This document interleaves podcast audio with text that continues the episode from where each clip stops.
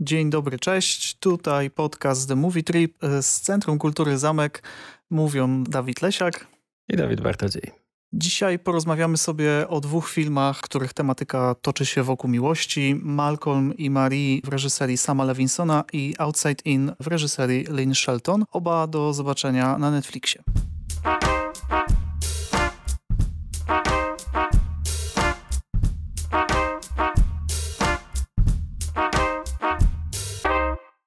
To co? To zacznijmy od Malcolma i Marii. Zacznijmy od filmu, o którym powiedzieliśmy dwa miesiące temu, że Netflix zainteresował się teraz puszczaniem na rynek produkcji, które są czarno-białe, w związku z czym bardziej artystyczny, być może taki ala nowa fala yy, podchodzą do, do rzemiosła. I co? No i taki kameralny, i czarno-biały, i minimalistyczny. I tutaj tacy du duzi aktorzy, którzy teraz e, albo są znani z wielkich, prawda, blockbusterów, albo są znani z wielkich widowisk telewizyjnych. No, tacy na topie. Ładni, znani. Akcja filmu też w ładnym miejscu, no ale co dalej? Film jest o tym, jeśli jeszcze nie wiecie, co w sumie nie wierzę, ale film jest o tym, że dwoje młodych ludzi, którzy są parą, wraca z rozdania nagród, na którym on otrzymał nagrodę za swój ostatni film, który wyjątkowo spodobał się krytyce. I bardzo mu się to nie podoba, ponieważ chwalili go troszeczkę inaczej niż on by chciał. A ona wygląda na niespecjalnie zainteresowaną tym, że jemu się to nie podoba. I po jakimś czasie dowiadujemy się dlaczego. Można też go streścić na siedem różnych sposobów. Nie przychodzi mi na myśl żaden, który nie byłby złośliwy. Więc żeby tak już na dzień dobry oczyścić powietrze, to ja powiem, że ten film mi się okrutnie nie podobał, mimo że oczywiście wszystkie te rzeczy techniczne były ładne i tam chyba nawet była jakaś muzyka, ale w sumie nie pamiętam, była muzyka puszczana z telefonów, taka wewnątrz kadrowa i, i takie ładne zdjęcia, na przykład w sytuacji, w której Marie sobie tam leży w wannie, jest smutna, Malcolm się miota wokół tej wanny i tam się kłótną i tak dalej. To wszystko jest takie takie bardzo ładne jest nawet na koniec filmu taka scena, kiedy on już wstał z łóżka, a ona jeszcze nie, albo na odwrót. I jest ujęcie z wewnątrz sypialni, a sypialnia ma takie potężne okno, przez które widać wzgórze w drugim planie. Jedna z tych postaci stoi w tym drugim planie, co najmniej jak w horrorze, czekając na tę pierwszą, w sensie na tę drugą, aż, aż wstanie z łóżka. Strasznie, w sensie mam wrażenie, że że to tak nie miało być, bo po całym tym filmie 100 minutach kłócenia się na okrągło jest scena wyjęta żywcem po prostu z, z horroru, z gatunku dwoje ludzi uwięzione, uwięzi, uwięzionych w odludnym miejscu, ale nic się w związku z tym nie wydarza, więc to mam wrażenie, że gdzieś co, co tam machasz? Bo chciałbym coś powiedzieć. To, to, to zanim wylejesz jeszcze więcej błota na tą produkcję, to ja tylko powiem, jak, jak zbudowana jest akcja tego filmu. A propos tego, że oni się tam non-stop kłócą. Spotykamy się z sytuacją, w której jakby naprzemiennie bohaterowie zyskują naszą sympatię i za chwilę e, tracą. Cały czas jesteśmy w takim dualizmie miłość i nienawiść. I to wszystko jest zamknięte takim dramatyzmie właściwym dla wrażliwców, dla dusz artystycznych, i niejako Levinson pławi się w tym. On tak kocha na to patrzeć i, i na to również, jak oni palą te papierosy i jak właśnie wychodzą sobie tam na to wzgórze w ogrodzie, czy tam gdzieś za oknem i ciągle patrzą w dal. Czy, czy w ogóle coś za tym stoi? Poza, poza tym, że, że to wszystko tak tylko sobie ślicznie wygląda.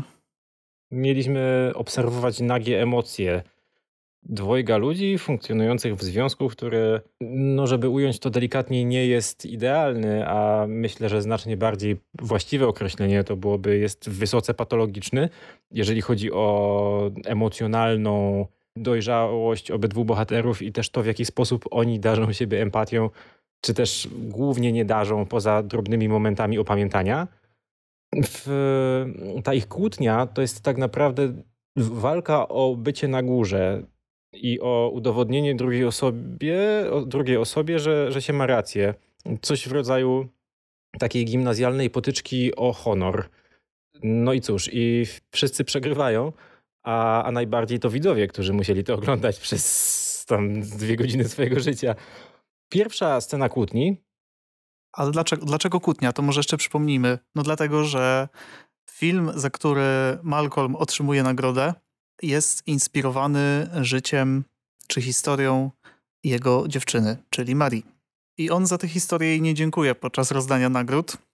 No i tutaj mamy ten właśnie tą gimnazjalną ścieżkę, o której powiedziałeś. Tak, bo to jest trigger, żeby otworzyć puszkę Pandory, albo jak chciałby jeden z posłów, chyba cztery albo pięć kadencji sejmowych temu, puszkę z Pandorą, w której znajdują się, czy też znajdowały się wszystkie rzeczy, które ci ludzie trzymają na czarną godzinę przeciwko sobie, i to są takie rzeczy, na które na co dzień nie zwracają uwagi, bo na, na co dzień tam są ze sobą i robią rzeczy i, i, i, przypuszczamy, że, że tworzą jakiś tam związek, który robi takie rzeczy, jakie robi normalny związek albo nienormalny związek, no w każdym razie związek.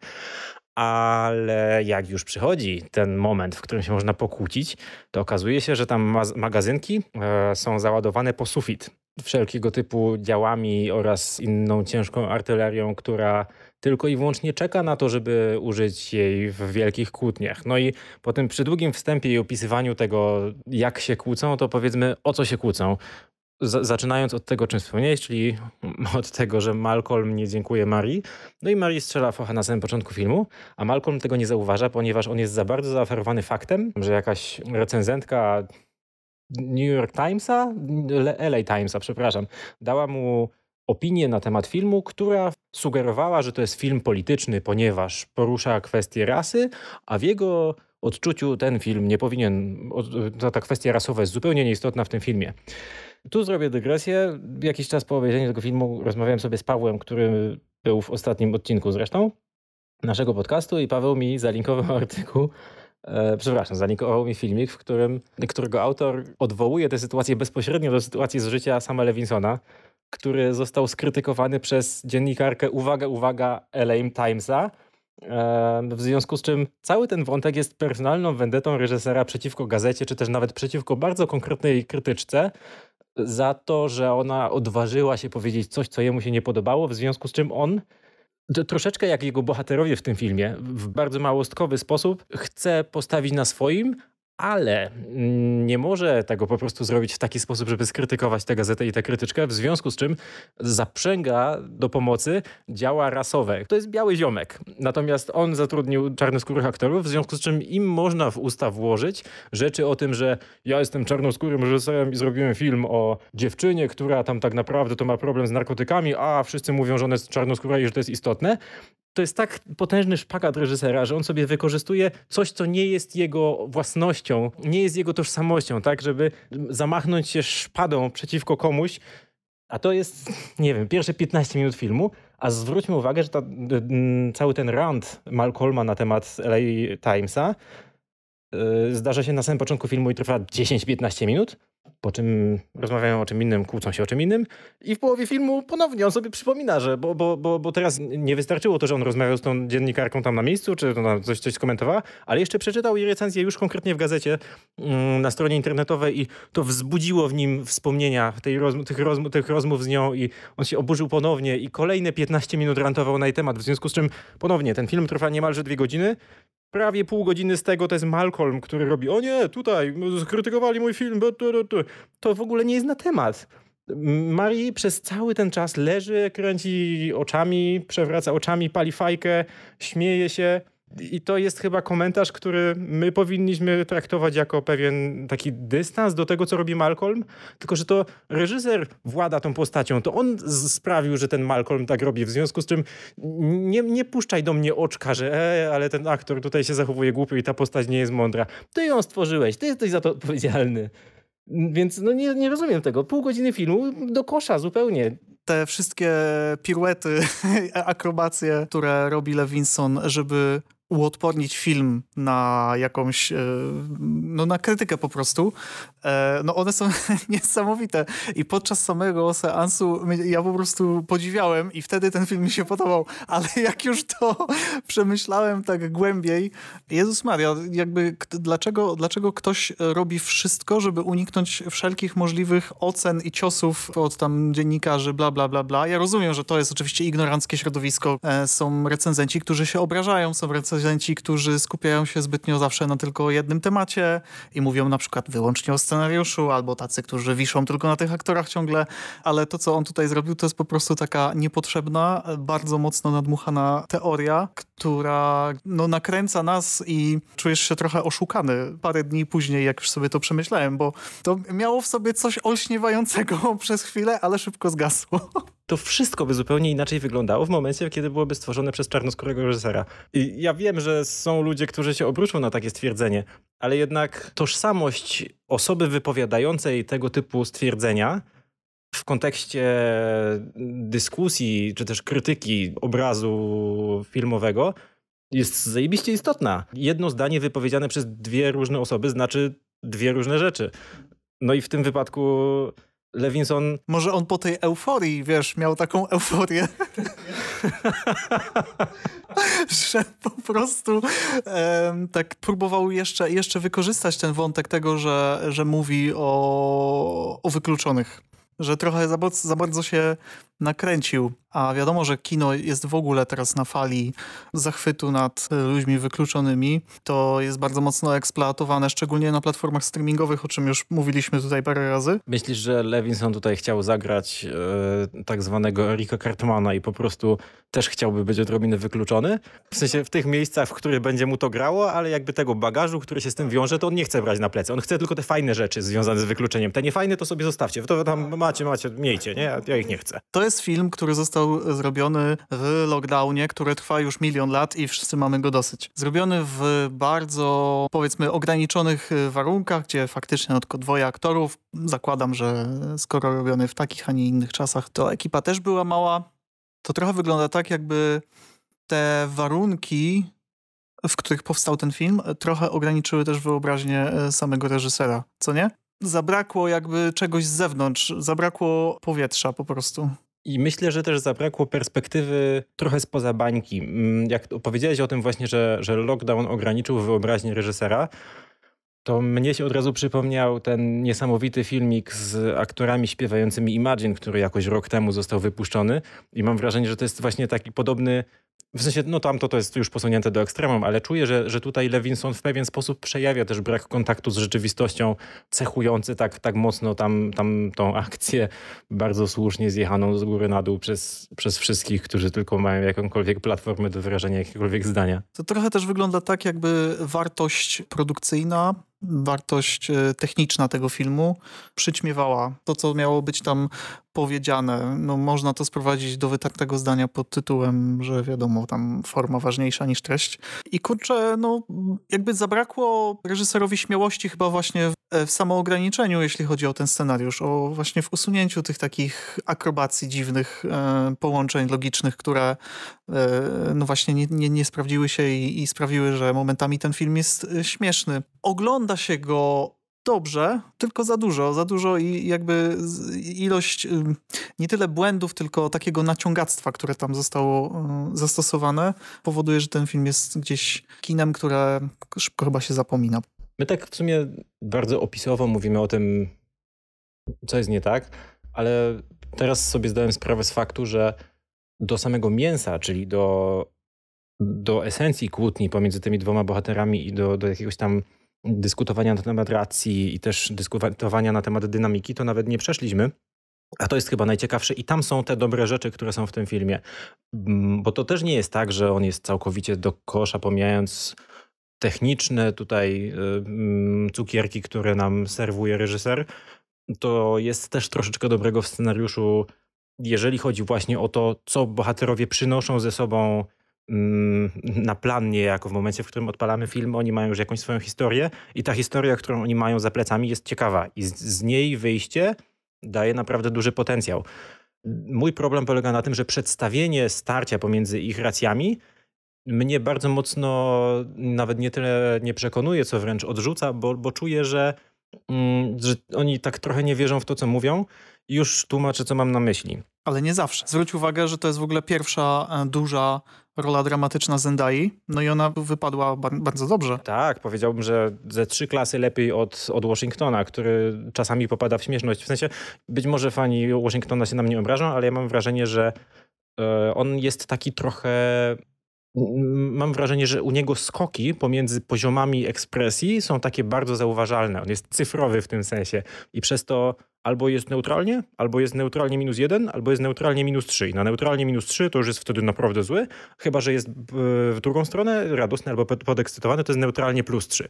A u Zendai jednak bardziej płynnie te emocje mm, sobie przechodzą w dół i w górę. Czasami to też wygląda śmiesznie, jak w tej scenie pod sam koniec filmu, kiedy już niemalże się pogodzili i ona nagle patrzy w sufit i jej się przypomina, że jest smutna. E, ale przez większość filmu Zendaya jest, jest tutaj bardzo dobra. Natomiast u Washingtona te takie bardzo skokowe przejścia pomiędzy nastrojami mnie rozstrajają, bo kiedy właśnie widzę, jak oni się kłócą, czy też nawet nie tyle jak się kłócą, co jak się zaczynają kłócić, ja czuję, że film powinien mnie zaskoczyć i, i powinienem po 10 sekundach kłótni się zorientować, ojej, oni się od 10 sekund kłócą, ja dopiero teraz się to widzę, a jest dokładnie na odwrót oni jeszcze mówią do siebie spokojnym tonem i mówią normalne rzeczy jeszcze w powietrzu nic nie ma, a ja już wiem, że oni za 30 sekund się będą kłócili i to też nie jest takiego powodu, że tu coś, coś zostało zaplanowane, że komuś oko skoczyło albo że ktoś powiedział jedno słowo niebezpieczne, które tam e, sprytnie zostało przemycone w, w, zdanie. Ja po prostu patrzę na zegar i widzę, o, od 10 minut się nie kłócili. No to za chwilę coś się będzie działo. I za każdym razem działało. I czuję właśnie, że, że, że te kłótnie były inicjowane w taki sposób, bardzo nieporadny. E, właśnie nie czuję, że, że było tak, że rozmawiamy sobie normalnie, rozmawiamy sobie normalnie i nagle jedna osoba powiedziała w 30% chcący, w 70% przez przypadek coś, co tę drugą osobę striggerowało i jest jakieś drobne nieporozumienie, które w sytuacji dużego napięcia zaczyna eskalować. E, wręcz przeciwnie. Jest tak, że oni sobie rozmawiają, rozmawiają, rozmawiają i w pewnym momencie ktoś celowo mówi coś, co ma podkurwić tę drugą osobę i się zaczyna i potem znowu 10 minut ostrego kłócenia się, a kiedy się kłócą, to naprawdę się kłócą i, i jakby rzucają bardzo ciężkimi armatami w siebie, co swoją drogą też jest momentami naprawdę niezłe. Scena, scena w łazience, kiedy Malcolm wypomina Marii swoje wszystkie kochanki i mówi, że och, z tą było super i tak dalej, i tak dalej, a potem Marii na niego patrzy w taki oceniający sposób i i, i, jest taka zażenowana tym, że jego ekscytuje to, że był z jakąś tam stripteaserką w, w motelu, w wannie o kształcie serca, co jest ekstremum kiczu, to jest fajna scena. To są, to są właśnie takie momenty, które działają, ale potem znowu o nie, y, coś tu przestało działać, musimy się znowu zacząć kłócić, bo już, już było zbyt dobrze. No i to są aktorzy z, ogromnym potencjałem i oni jak już się właśnie rozpędzą, e, jak jest kulminacja sceny albo powiedzmy tam środek e, już e, danej sceny, to, to idzie im super i tam jest dużo niuansów i zaangażowania i to działa i wygląda, ale faktycznie tak jak mówisz, na początku oni są zawsze tacy, że nie wiesz, nie wiesz czy oni chcą się pokłócić, czy nie chcą się pokłócić, tak jakby się trochę z tym szarpali, szczególnie Washington, który po prostu widocznie też jest jeszcze trochę na, na początku tej kariery. On się rozwinie, on ma fajną energię, chyba musi przejść jeszcze przez paru reżyserów. Wtedy wydobędzie się z niego to, co najlepsze. Bo w tym filmie wystarczyło poprawić montaż i byłoby znacznie lepiej. Mówię o wyrzucaniu scen, zresztą to, co, to, co powiedziałeś wcześniej. Definitywnie, tak, tak, tak, tak, tak. Przemontowanie tego filmu bardzo by mu udało. Myślę, że parę parę dokręconych scen też by nie zaszkodziło, ale samo mhm, przemontowanie już by dało dużą wartość. Gdyby on trwał sobie 70 minut i jeszcze bardziej skupił się na dialogach, bo to głupio brzmi w filmie, o którym, w którym ludzie ze sobą przez dwie godziny gadają, ale mam wrażenie, że tam momentami się za mało skupił na dialogach. E, I, I, te sceny, w których, no właśnie, sceny, w których bohaterowie zostają sami, one dla mnie nie działają. Bo to są takie sceny, w których my powinniśmy czuć, i to też ka każdy człowiek się w życiu kłócił, w związku z czym każdy człowiek, mam nadzieję, że każdy się kłócił, bo jak ktoś się nie kłócił, to to jest... To nie żyje. Tak, to tuż po tym, jak się skończyła kłótnia i się zostaje samemu, to jest bardzo, bardzo ciekawa sytuacja, taka, w której jest bardzo dużo energii. I, i w tym filmie chciałbym, żeby, żeby mi reżyser to pokazał. A, a to, co on robi, to on pokazuje albo właśnie ekstremalne pozbycie się emocji, czy też ich wyparcie, co ma sens w przypadku Zendai, w związku z czym tam się nie będę czepiał, albo takie no, no, nie wiem, uderzanie ręką o źdźbła trawy, co robi postać Malcolma w momencie, w którym jest bardzo wkurzona. Co tam? Tam nie czuć oczyszczenia, bo jeżeli ci bohaterowie zostają sami, to nie czuć oczyszczenia, tylko wprowadza się ich y, w takie momenty, że Malcolm sobie muzykę odpali następuje kolejna jakby kumulacja emocji i wrzucanie się w kolejne jakieś um, mielizny właśnie takie myślowe, to nie daje, nie daje wytchnienia. My też nie możemy się za bardzo skupić, bo, bo wpadamy razem z tym bohaterem w jakby do, do kolejnego dołka, no bo w sumie cała ta kłótnia to i tak jest dołek. W momencie, w którym chwilę później oni z powrotem się pojawiają oboje w kadrze, to dobrze byłoby, żeby chociaż jedno z nich już się odrobinę uspokoiło, tak żeby dalsza kontynuacja rozmowy na tym spokojniejszym tonie była wiarygodna, bo jeżeli widzisz, że człowiek po tym jak się pokłócił, puszcza sobie muzykę, siedzi i ma focha i chwilę później kontynuuje rozmowę, ale już w znacznie bardziej spokojny sposób, to czujesz, że tam cały czas coś nie gra, a jednak dobrze byłoby zejść na, na, na, na tych schodach, czy tam drabinie zirytowania, poddenerwowania i wkurzenia bohatera o szczebel, może dwa, tak żeby on chociaż odrobinę odetchnął, żeby jego ponowny powrót na te wysokie obroty wkurzenia był, był wiarygodny, bo jeżeli on tam siedzi cały czas, to wszystkie te rzeczy, które mówi na spokojnie, można odbierać jako mówione cynicznie i wtedy, mm, wtedy co? Wtedy w ogóle nie wierzysz bohaterom, bo oni te, jedyne co zakładasz to to, że oni mają jeden cel, pokłócić się totalnie na śmierć i powiedzieć tej drugiej osobie takie rzeczy, żeby ona już nigdy nie wybaczyła. Koniec. A to chyba nie o to tutaj chodzi. Chodzi o to, że jednak jest jakieś uczucie pomiędzy nimi i ono jest destrukcyjne, ale, ale, ale jest w związku z czym w momentach wytchnienia oni powinni jednak jakąś tam refleksję mieć. A nie wydaje mi się, żeby mieli. Temu nie pomaga też e, w ogóle zmiana dekoracji. W sensie, jak oni wchodzą, bo to, to jest taki film dość teatralny.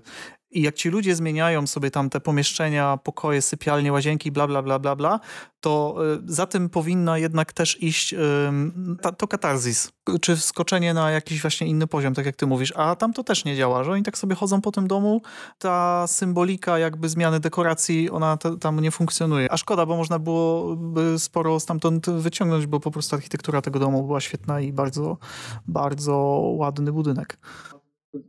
Mm, tak, to jest bardzo fajne spostrzeżenie.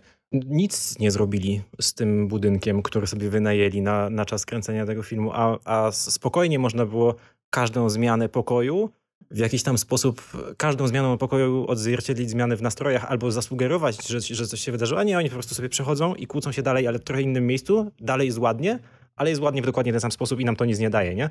Y, miodowe lata, kręcone, wiesz, na, na, na deskach teatru, Wybroń to teraz, wybroń, bo miodowe lata to jest tutaj ciężarówka. Mają, mają więcej dynamiki w zmianie pomieszczeń niż ma ten film. A przypominam, że miodowe lata są kręcone dosłownie na deskach z, z kartonami mm, służącymi za ściany i z jakimiś tam szczątkowymi dekoracjami. Architektura tego domu właściwie służy tam tylko jednemu podkreśleniu ich statusu. A odnośnie tego statusu, to w ogóle też jest ciekawa kwestia, bo on też jest ciekawą rzeczą do omówienia i też trochę się prze, prześlizgujemy nad nim, bo status Marii, jak wiemy, bardzo dynamicznie się zmienił, między innymi, a może nawet w dużej mierze, dzięki Malcolmowi, który ją w jakiś tam sposób wyciągnął z dołka, kiedy ona mieszkała na ulicy i była narkomanką i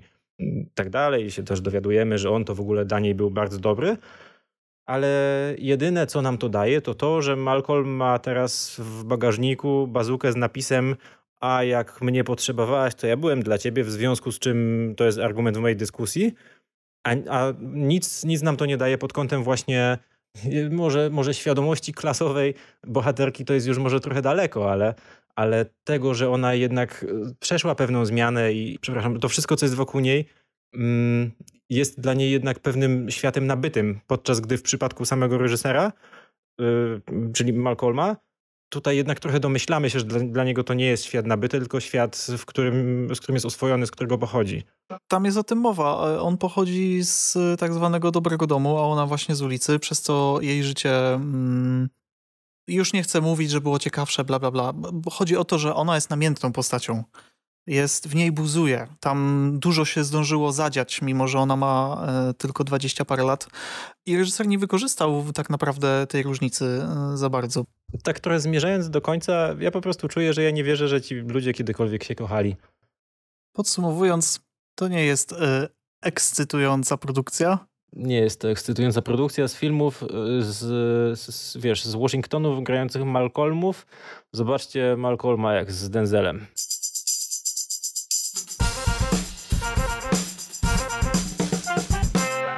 Outside In cenionej amerykańskiej reżyserki mm, Lynn Shelton. Opowieść głównie o ludzkich związkach, o tym jak, jak więzi potrafią się zmieniać, jak rzeczywistość je testuje i co ostatecznie e, z tego wynika. Zacznę może od tytułu. To jest taka bardzo mm, nudna forma rozpoczęcia wywodu kojarząca mi się, wiesz, z prezentacjami y, na zakończenie roku w Stanach w koledżu, kiedy ktoś zaczyna prezentację od przytoczenia definicji ze słownika i wszyscy, jak ktoś tak robi, to wszyscy mówią, o, ale to będzie nudne i wyciągają telefony i zaczynają tam, prawda, grać w, w tę grę, która teraz jest najbardziej popularna, którą oczywiście znam. Mm, no i cóż, y, mimo wszystko pozwolę to sobie zrobić, bo tytuł jest bardzo trafiony i bardzo się cieszę, że nie, nikt go nie próbował przetłumaczyć. Mm, wyrażeniem bardzo mm, za, za, zasiedziałym w języku angielskim jest Inside Out, które zostało też zresztą parę lat temu wykorzystane jako tytuł filmu Dis, e, fu, Disneya, Disneya też, no ale Pixara przede wszystkim, mówiące o, o rzeczach, które jakby się e, uzewnętrzniają. Mm, natomiast e, Outside In w kontekście człowieka, który wychodzi z więzienia, ale nadal pozostaje zamknięty w swojej głowie, jest takim no, bardzo, bardzo ładnym mm, językowym zagraniem.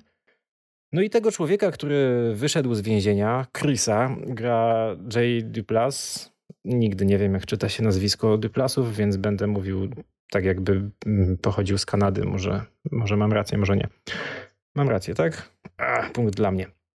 Mm, tutaj, tutaj sam Duplas tylko jako scenarzysta nie, nie maczał e, nie maczał w tym filmie reżyserskich rąk. Jego brat też chyba tutaj nie był zaangażowany w innej, e, w innym charakterze niż producent, bo to chyba jest ich domu produkcyjnego. Mm, otóż wychodzi on sobie z więzienia i tak niespecjalnie jest zainteresowany mm, odnawianiem związków z ludźmi, z którymi znał się zanim trafił do tego więzienia, bo siedział tam ile? 20 lat, dobrze pamiętam? No okej, okay, no to dobrze, a, a, został aresztowany i, i, skazany tam tuż po osiągnięciu dojrzałości za jakąś bzdurę, która w dodatku nie była jego winą. I jego taką iskierką nadziei, która pozwoliła mu przeżyć wiele z tych lat mm, za kratami, jest jego była nauczycielka, Karol, grany tutaj przez Idi Falco. Mm, oni kontakt ze sobą mieli głównie listowny, głównie telefoniczny. Przypuszczamy, że ona też parę razy go widziała przez szybę i z, z telefonem w ręku. Natomiast e, to wszystko wystarczyło im do tego, żeby związać się ze sobą emocjonalnie na tyle, że, że, można to uczucie nazwać miłością. Jest to wysoce problematyczne z kilku powodów. Po pierwsze, z, z powodu dużej różnicy wieku, bo mm, tyle lat, ile e, Chris siedział w więzieniu, e, Karol jest od niego starsza. To po pierwsze.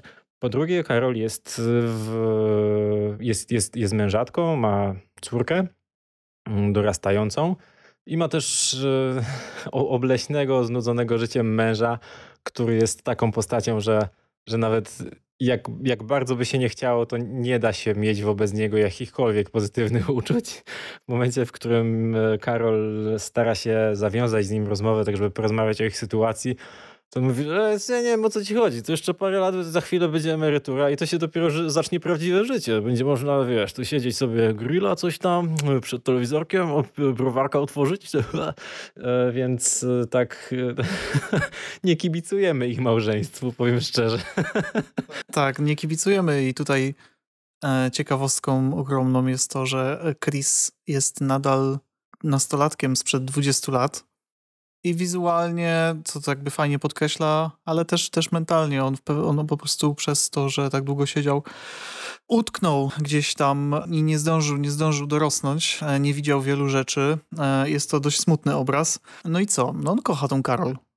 Tylko jeśli już ujawniają się jakieś e, momenty słabości Karol, która bardzo się jednak wzbrania przed, przed, sama przed sobą i przed wszystkimi dookoła również, bo w końcu ma rodzinę, że nadal tli się to uczucie do Chrisa, to pojawia się takie ciekawe pęknięcie, bo ona z jednej strony w, skry w skrytości gdzieś pożąda tego Chrisa, tylko to już nie, ona już nie chce tego Chrisa, który był 20 lat temu. Ona oczekuje, jeśli już miałoby dojść do czegoś, to, to widać po, po jej zachowaniu i tak dalej, że wolałaby Chrisa dojrzałego, Chrisa aktualnego. Który nie istnieje, bo, bo tak jak mówisz, on w głowie został nastolatkiem i przez to rodzi się taka ciekawa sytuacja, w której my jako widzowie troszeczkę się spodziewamy, że Karol będzie musiała wybrać czy pozostać ze swoim obleśnym mężem, czy jednak rzucić się w ramiona Chrisa. Tymczasem sytuacja nie jest właśnie tak prosta, jak mogłoby się wydawać i to jest coś wspaniałego, co, co, co dzieje się w tym filmie. Tak, bo Karol jest najdojrzalszą postacią, jaką widzimy na ekranie, w związku z czym ona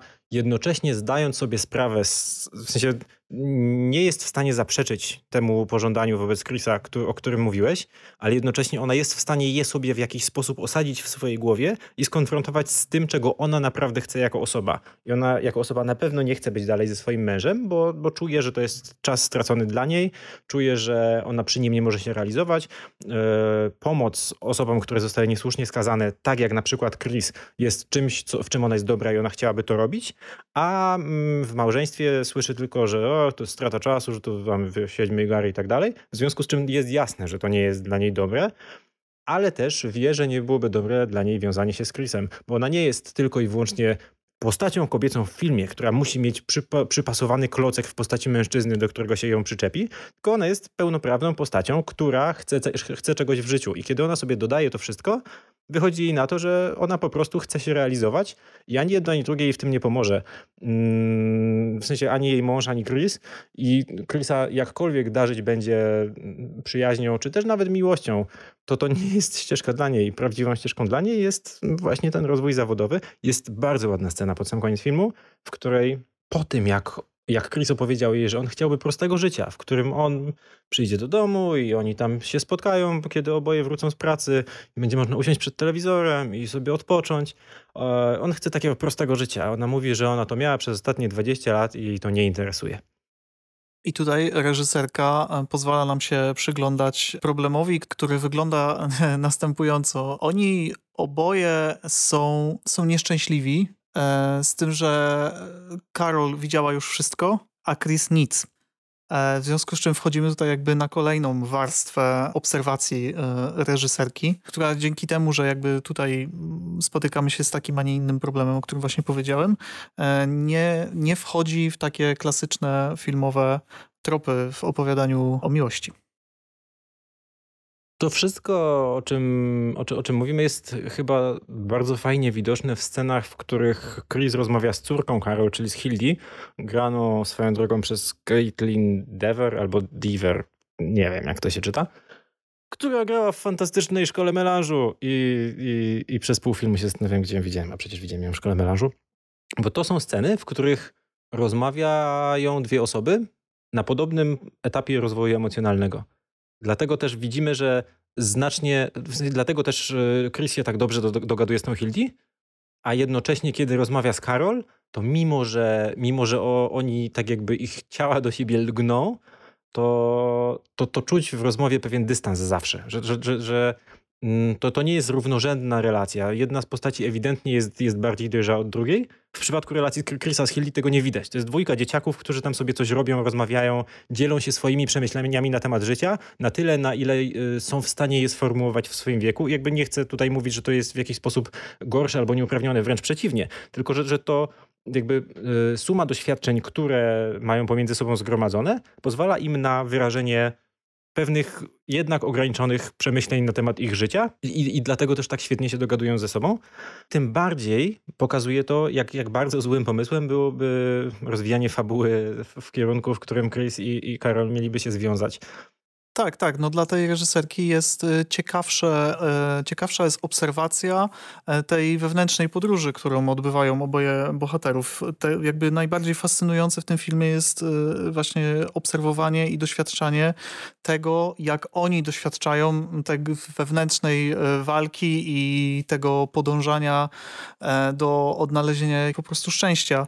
Na to wszystko nakłada się to, że te szczęścia raczej się nie przetną.